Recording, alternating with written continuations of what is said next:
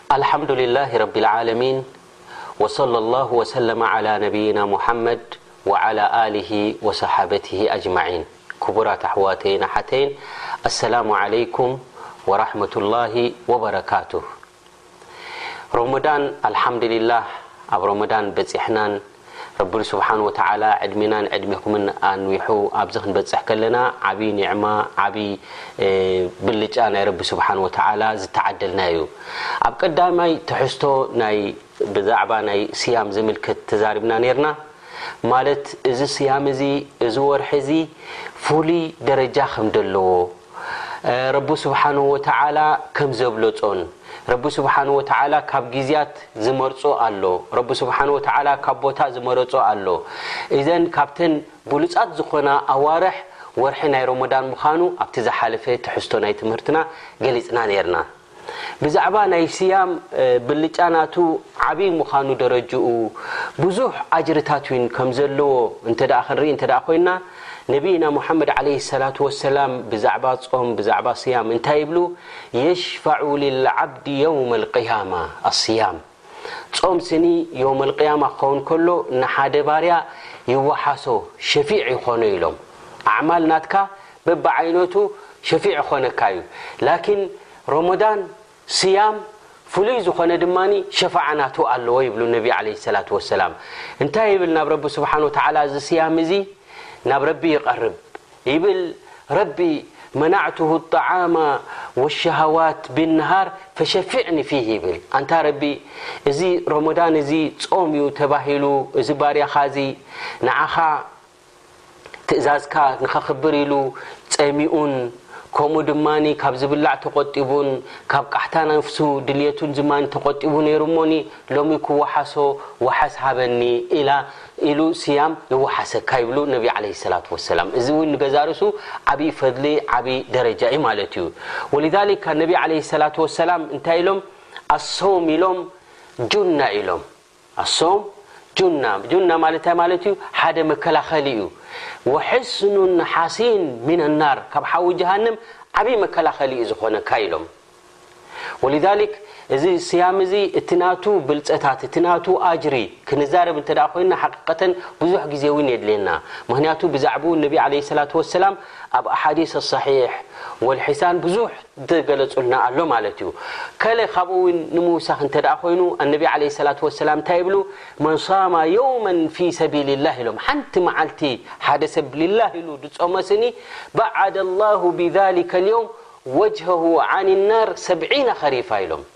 ኣላሁ ኣክበር እዚ ሕጂ ዓቢ ዓቢ ብልጫ ዓቢ ደረጃ እዩ ሓንቲ መዓልቲ ሊላህ ኢሉ ድጾመ ሰብ ስኒ በዛ ሓንቲ መዓልቲ ድጾማ መንገዲ ሰብዓ ዓመት ዝኸውን ኣላህ ሱብሓነሁ ወተዓላ ካብ ሓዊ ጀሃነም የርሕቆ ኢሎም ፈማ ባሉክ ወርሒ ምሉእ ክትጸውም ከለኻ ስኒ ክንዲ ምንታይ ኣጅሪ ከምኡውን ክንዲ ምንታይ ናብ ጀና ትቐርብ ኣለኻ ካብ ሓዊ ጀሃነም እውን ክንዲ ምንታይ ትርሕቕ ኣለኻ ማለት እዩ ወረቢ ሱብሓነሁ ወተዓላ ካብቶም ሓዊ ጀሃንም ዝርሕቁ ናብ ጀና ዝኣትው ረቢ ንኩላትና ይግበረና ኣነቢ ዓለይሂ ሰላቱ ወሰላም ነዚ ጾም እዚ ፍሉይ ስለ ዝኾነ ደረጃ ናቱ ረቢ ሱብሓነሁ ወተዓላ እንታይ ኣንቢርሉ ከም ዘሎ ክገልጹ ከለዉ እንታይ ይብሉ ኣብ ጀና ኣሎ ኢሎም ኣነቢ ዓለይሂ ሰላቱ ወሰላም ሓደ ማዕጾ ኣሎ ኢሎም ኣብዋብ ናይ ጀና ብዙሕ እዩ ዘሎ ብዙሕ ክፍልታት ብዙሕ መእተዊ መዓጹ ኣለዎ ማለት እዩ ሓደ ካብቲ ኣብዋብ ወይ ካብቲ መዓጹ ናይ ጀና እንታይ ዝበሃል ኣሎ ኢሎም ባብ ኣሎ ኣረያን ይበሃል እዚ መን እዩ ዝኣትዎ እንተደኣ ኢልካ ጸወምቲ ጥራሕ እዮም ዝኣትዎ ማለት እዮም ልሳኢሚን እዚ ናይ ጸወምቲ ጥራሕ እዩ ምክንያቱ ደይጸሙ ሰባት በዚ ዕድል የብሎምን ማለት እዩ እዚ ናይ ጸወምቲ እዩ ሕጂ ኣይነ ሳኢሙን ኣበይ ኣለዉ እቶም ጸወምቲ ዝነበሩ ምስ ተባሃለ ኩሎም እቶም ዝጸሙ ዝነበሩ ዝጸምኡ ዝነበሩ ሊላህ ኢሎም ንረቢ ስብሓን ወተዓላ ትእዛዛቱ ዝኽተሉ ዝነበሩ እንህልካ እንዳጸምኡ እንዳጸማእካ ከለኻ እንዳጠመኻ ከለኻ ስምዒት ከለካ ኩሉ ተቆጢቡ ሕራይ ኢሉ ትእዛዝ ናይ ረቢ ዝኽተል ዝነበረ ሕጂ እዚ ማዕጾ እዚ ይኽፈት ማለት እዩ በሉ እቶም ጸወምቲ እተው ይበሃሉ ኩሎም ጸወምቲ ይኣትዉ ዳሕራይ እቲ ማዕጾ ይዕጾ ብጀካ ጸዋማይ ተዘይኮይኑ ካሊእ ዘይኣትዎ ማዕጾ ኣሎ ይብሉ ነብይና ሙሓመድ ዓለይሂ ሰላቱ ወሰላም። እዚ ሕጂ ሓደ ካብቲ ዓቢ ደረጃ ዝህቦ ንሻህር ስያም ማለት እዩ። ወነብይ ዓለይሂ ሰላቱ ወሰላም እንታይ ይብሉ ኣብ ሓዲስ መን ሷመ ሮሞዳን ኢማነን ወሕቲሳባ ሓደ ሰብ ስኒ እንተ ሮሞዳን ጸይሙ ክጾም ከሎ ኢማነን ወሕቲሳባ ማለት ኣወለን ኢማንን ቢውጁብ ስያም እዚ ስያም እዚ ረቢ ስብሓን ወተዓላ ድኣዘዞ እዩ ረቢ ስብሓን ወተዓላ ፈርዲ ዝገበሮ እዩ ኢሉ ኣሚኑ ብ ናይ ረቢ ስብሓን ወተዓላ ድኣዘዞ ምዃኑ ከምኡ ድማ የሕተስብ በዚ ድጾሞ ዘለኹ እዝኒ ረቢ ስብሓን ወተዓላ ኣጅረይ ክህበኒ እዩ ዝተዓጻጸፈ ኣጅሪ ክረክብ እየ ኢሉ ተስፋ ጌሩ ከምዚ ኢሉ ከምዚ ዓይነት እዚ ንያ ጌሩ ድጾመ ሰብ غፊረ ለሁ ማ ተቀደመ ሚን ዘንቢህ ናይ ድሓለፈ ዘንቡ ረቢ ስብሓነሁ ወተዓላ የቕፍረሉ ይብሉ ነብይና ሙሓመድ ዓለይሂ ሰላቱ ወሰላም እዘን እዚ እንታይ የረድኣና ማለት እዩ ዘንቢ ናይ ዝሓለፈ ክንደይ ዘንብታት ኣለና እሞ ብሰንኪ ስያም ስኒን ዘንብኻ ይቕፈረልካ እወ ይቕፈረልካ ኣልሓምድሊላህ እዘን እምበኣሪ ኣብ ወርሒ ሮሞዳን ክትበጽሕ እንከለኻ ከምዚ ኢልካ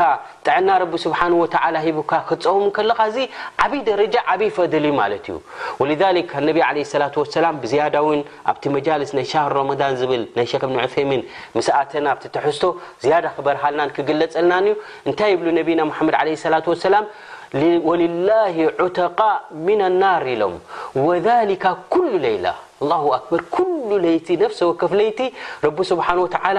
ነፃ ዝብሎም ካብ ሓዊ ጀሃነም ኣለው ካብ ሓዊ ጀሃነም ነፃ እንተ ተባሂልካ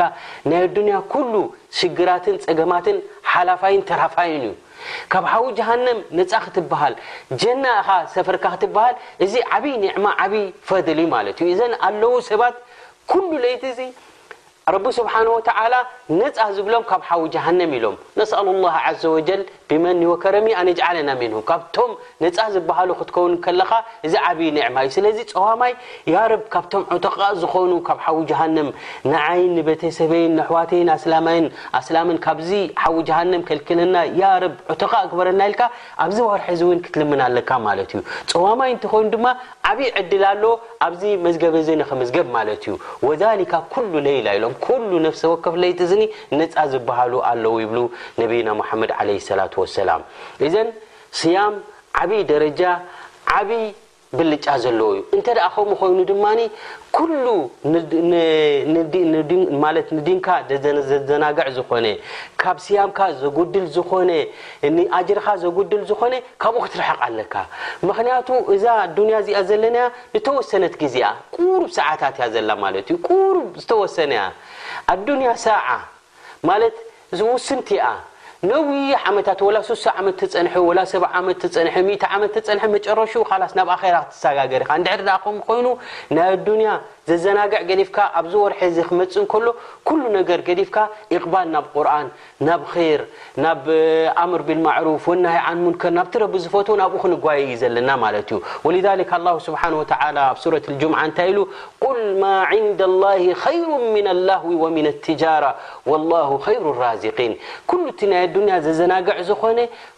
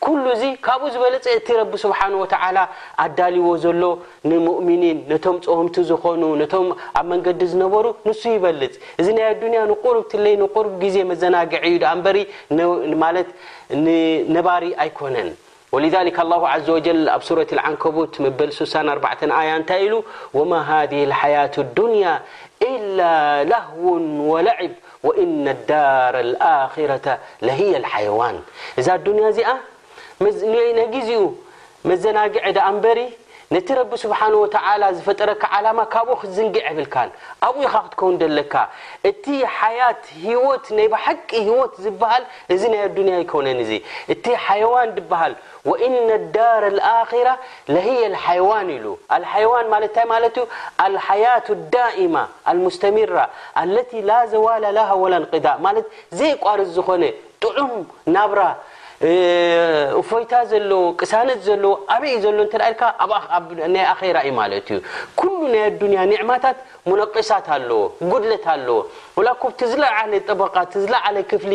ናይ ኒዕማታት እንተ በፂሕካ ጉድለት ዘለዎ እዩ ናይ ኣዱንያ ጉድለት ዘይብሉ ሓያት ለህየል ሓየዋን ድበሎ ሓያት ሰዓዳ ዘለዎ ጉድለት ዘይብሉ ሙስተዲመቱን ሊልሓያት ኣበይ እዩ ዘሎ እንተ ኢልካ ኣብ ናይ ኣኼራ እዩ ዘሎ እሞ እንተ ከምኡ ኮይኑ እዚ ወርሒ እዚ ክመጽእ እንከሎ ሻህር ስያም ኣወለን ብፈራሕ ብሓጎስ ክትቅበሎ ኣለካ ማለት እዩ የፍራሕ ኣልሙእሚን ቢቁዱሚ ሻህር ሮሞዳን እዚ ሓጎስ እዚ ንገዛእ ርእሱ ዓላማት ናይ ኢማን እዩ ምክንያቱ ንኼር ንክትሰርሕ ድሌት ኣለካ ማለት እዩ ወርሒ ወጽያ ዶ ሂላል ናይ ወርሒ ሮሞዳን ተራእያ ዶ ኣይተራእየትን ኢልካ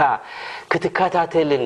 ጺንጽንታ ክትገብርን እንታይ ኢሎም እንታይ ተባሂሉ ክትብል እዚ ንገዛእ ርእሱ ምልክት ናይ ኢማን እዩ ወሊዛሊክ እቶም ቀዳሞት ዝነበሩ ሰለፉነ ሳልሕ እቶም ዓበይቲ መራሕቲ ናይ ሃይማኖት ከይተረፉ እቶም ቁዳት ምስቶም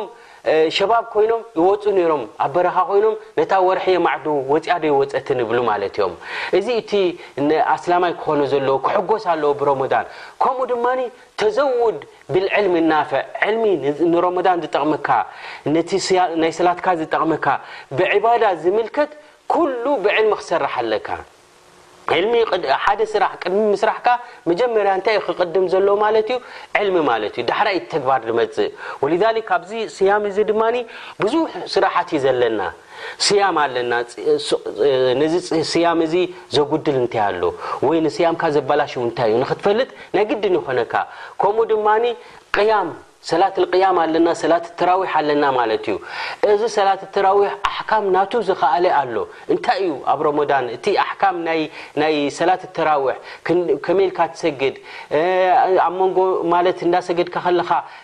ክተዕርፍ ኣለካ ዶኒ ወይ ድማ ክንደይ ረክዓ እካ ትሰግድ ኣብ ነብይና ሙሓመድ ዓለይሂ ሰላቱ ወሰላም ኣሰጋግዶኦም ኣብ ሰላትን ናይ ቅያም ከመይ ነይሩ ኢልካ ክትፍቃህን ክትፈልጥን እዚ ሓደ ካብቲ ግዴታካ እዩ ማለት እዩ ምክንያቱ ክትትግብሮ ስለ ዝኮንካ ማለት እዩ ምብዛሕቱ ሰብ ዘካት ናቱ ኣበይ ኣብ ምንታይ የውጽእ ኣጅርና ክበዝሓልና ኢሉ ኣብ ሮሞዳን እዩ ደውጽእ እምበኣሪ ናይ ዘካት ክትፈልጥ ኣለካ መዓሰ ዩ ዓመቱ ኣኺሉ ደሎ ክንደይ እየ ከ ደውጽኣለን ካብዚኤን ከ ክንደይ እየ ድወጸን ኢልካ ፍቅህ ናይ ዘካት ውን ክትወስድ ሓደ ካብቲ ኣስላማይ ክኾኖ ዘለዎ ኣብ ሮመዳን ዩ ማለት ዩ ከምኡ ኣብ ሮመዳን እዕቲካፍ ኣለና ብፍላይ ኣብቲ ዓሽር ኣልኣዋኽር እዕቲካፍ ኣሎ እዚ እዕቲካፍ እዚ እንታይ ዩ ሕኩም ናቱ ከመይ ከ ክትገብር ኣለካ ኣሕካም ናይ እዕቲካፍ ከ እንታይ ዩ ክትፈልጥ ኣለካ መብዛሕቱ ሰብ ውን ኣብ ሮመዳን ክኾን ከሎ ዑምራ ይኸይድ ዩ ብፍላይ ኣብ ዓዲ ዓረብ ዝቕመጡ ከምኡውን ካብ ካብ ዝተፈላለየ ቦታታት ዑምራ ኣብ ኣብ ሮሞዳን ትገብሮ ብሉጽ ስለ ዝኾነ ፍሉይ ኣጅሪ ስለ ዘለዎ ብዙሕ ሰብ እዩ ዝገብር ማለት እዩ እሞ ኣሕካም ናይ ዑምራኸ ከመይ ይመስል እንታይ እዩ እቲ ኣሕካም ናይ ዑምራ ውን ንኽንፈልጥ ድማ ሓላፍነት ኣለና ማለት እዩ ከምኡውን ኣብ መጨረሻ ናይ ሮሞዳን ሰደቀትል ፍጥር ኣሎ ዝወጽእ ሰደቀትል ፍጥር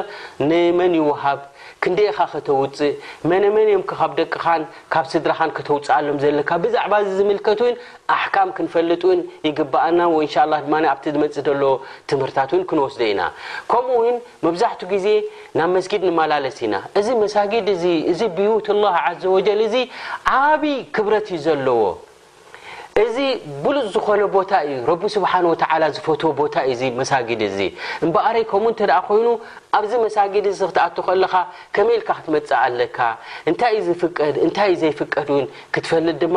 ሓደ ካብቲ ኣስላማይ ክፍጽሞ ዘለዎ ጉዳይ ወይ ድማ ክመሃሮ ዘለዎ ጉዳይ ሓደ ንሱ እዩ ማለት እዩ እምበኣር ኣብቲ ኣሕካም ናይ ስያም እንተ ክንኣቱ እንተ ኮይና ብዛዕባ ኣሕካም ስያም ብዙሕ እዩ ክንፈልጦ ዝግብኣና ሓደ ቀቅድሚ እቲ ሮሞዳን ምእታዉ ኣብ ሻዕባን ጸኒሕካ ናብ ሮሞዳን ንክትኣትው እንከለኻ ቅድሚ ሮሞዳን ሓደ መዓልቲ ክልተ መዓልቲ ክተርፎ እንከሎ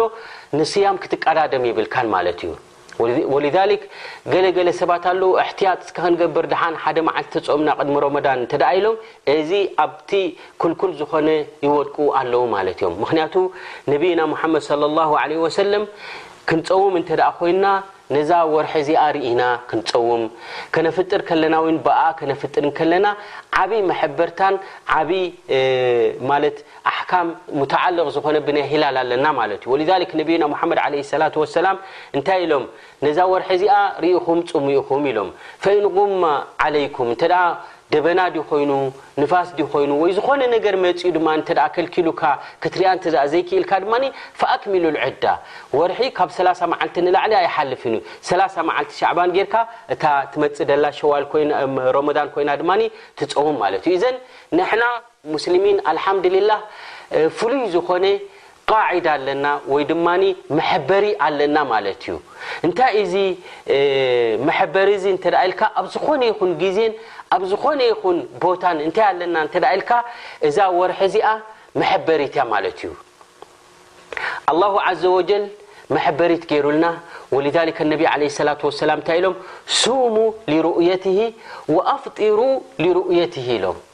ነዛ ወርሒ እዚኣ ነዛ ጾም እዚኣ ናይ ሮመ ነዛ ሂላል እዚኣ ንዓኣ ርኢኹም ኣፍጥርኡ እጹሙ ኢኹም ንዓኣ ርኢኹም ድማ ኣፍጥሩ ኢኹም ኢሎም ኢዘን ኣል እቲ ኣሕካም ብምንታይ እተተሓዘ ኣሎ ማለት እዩ ምስዛ ናይ ወርሒ እዚኣ ዝተተሓዘ ኣሎ ማለት እዩ ግልጺ ዝኾነ ነገር ኣብ ሸሪዓና ኣለና ማለት እዩ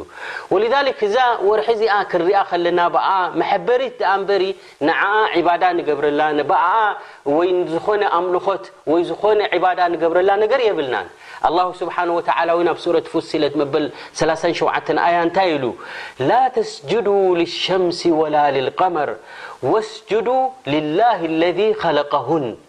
ኣላህ ስብሓን ወተዓላ ዩ ፈጣሪ ናይ ሰማያት ፈጣሪ ንፀሓይ ዝፈጠረ ንወርሒ ዝፈጠረ ንክዋክብቲ ዝፈጠረ ኣላህ ስብሓን ወተዓላ ዩ እዘን ንፀሓይን ንወርሒን ኣይትስገዱ ክትሰግዱ እንተ ኮንኩም ዕባዳ እንተ ክትገብሩ ኮንኩም ነቲ ንዐን ዝፈጠረ ነቲ ንዐን ዝኸለቀ ንዑ ክተገዙ ኢኹም ይብል ረቡና ዓዘ ወጀል እዘን እዚኣተን እንታይ እየን ተተባሂሉ መሐበሪ እዩ ማለት ከምዚ ከዋክብቲ ኣብ ሰማይ ዘለዋ መሐበሪ ናይ ደቂ ሰባት እየን ማለት እዩ ናይ ሰሜን ቤን ኣሎ ናይ ምስራቅ ቤን ኣሎ መንገድኻ ትሕበረሉ ከምኡውን ርጁም ኣልሸያጢን እዚ ደኣ እምበሪ ካሊእ ነገር ምስኡ ዝተተሓሓዘ ኣምልኾት ወይ ድማ ዒባዳ ዝፍጸም ነገር የለን ማለት እዩ ላኪን ኣልሓምድሊላህ ሸሪዓ ናትና ዋድሕ ኮይኑልና ማለት እዩ ግልጺ ዝኾነ ነፍጥረሉ ብሓንሳብ ንጾመሉ ብሓንሳብ ሓደ መሐበሪ ፍሉይ ዝኾነ ተገይሩልና ማለት እዩ እምበኣሪ ከምኡ እንተደኣ ኮይኑ ቅድሚ ሮሞዳን ሓደ መዓልቲ ክልተ መዓልቲ ክትጸውም የብልካን ማለት እዩ ኢላ ሓደ ሰብ እንተ ድጾሞ ነገር እንተ ነይርዎ ኮይኑ ሰኑን ሓሙስን እንተ ይጸውም ነይሩ ኮይኑ ኣጋጣሚ ሰኑይ መጺኣ ኣላ ክጸውም እንተ ኮይኑ እንተዘይ ኮይኑ ካሊእ ንእሕትያጠን ኢሉ ቅድሚ ሮሞዳን ቅድሚ ሓደ መዓልቲ ቅድሚ ክልተ መዓልቲ ክጸውም የብሉን ማለት እዩ ብፍላይ ኣብታ ተጠራጥር መዓልቲ ክትጸውም የብልካን ማለት እዩ ወሊዛሊክ እንተ ሓደ ሰብ ኣብዛ ተጠራጥረላ መዓልቲ ጸይሙ ፈቀድ ዓሳ ኣበልቃስም ይብል ሰሓቢ ረድየላሁ ዓንሁ እዚ ውን ሑክምሁ መርፉዕ ይብሉ ዑለማእ ማለት እዩ ማለት ትጠራጠረላ መዓልቲ እንተ ኣላ ኮይና ሮመዳን ድያ ሎም መዓልቲ ኣይኮነትን ኣብ ዝበሃለሉ ግዜ ኣብዚ መዓልቲ እዚ ክጸውም የብልካን እንታይ ደኣ እታ ወርሒ እቲኣ ክንጽበያ ኣለና ማለት እዩ ክንሪኣ ኣለና ማለት እዩ ንሳ ምስ ወጸት ሽዑ ኢና ንጸውም ማለት እዩ ንሳ እንድሕር ዘይወጺኣ ድማ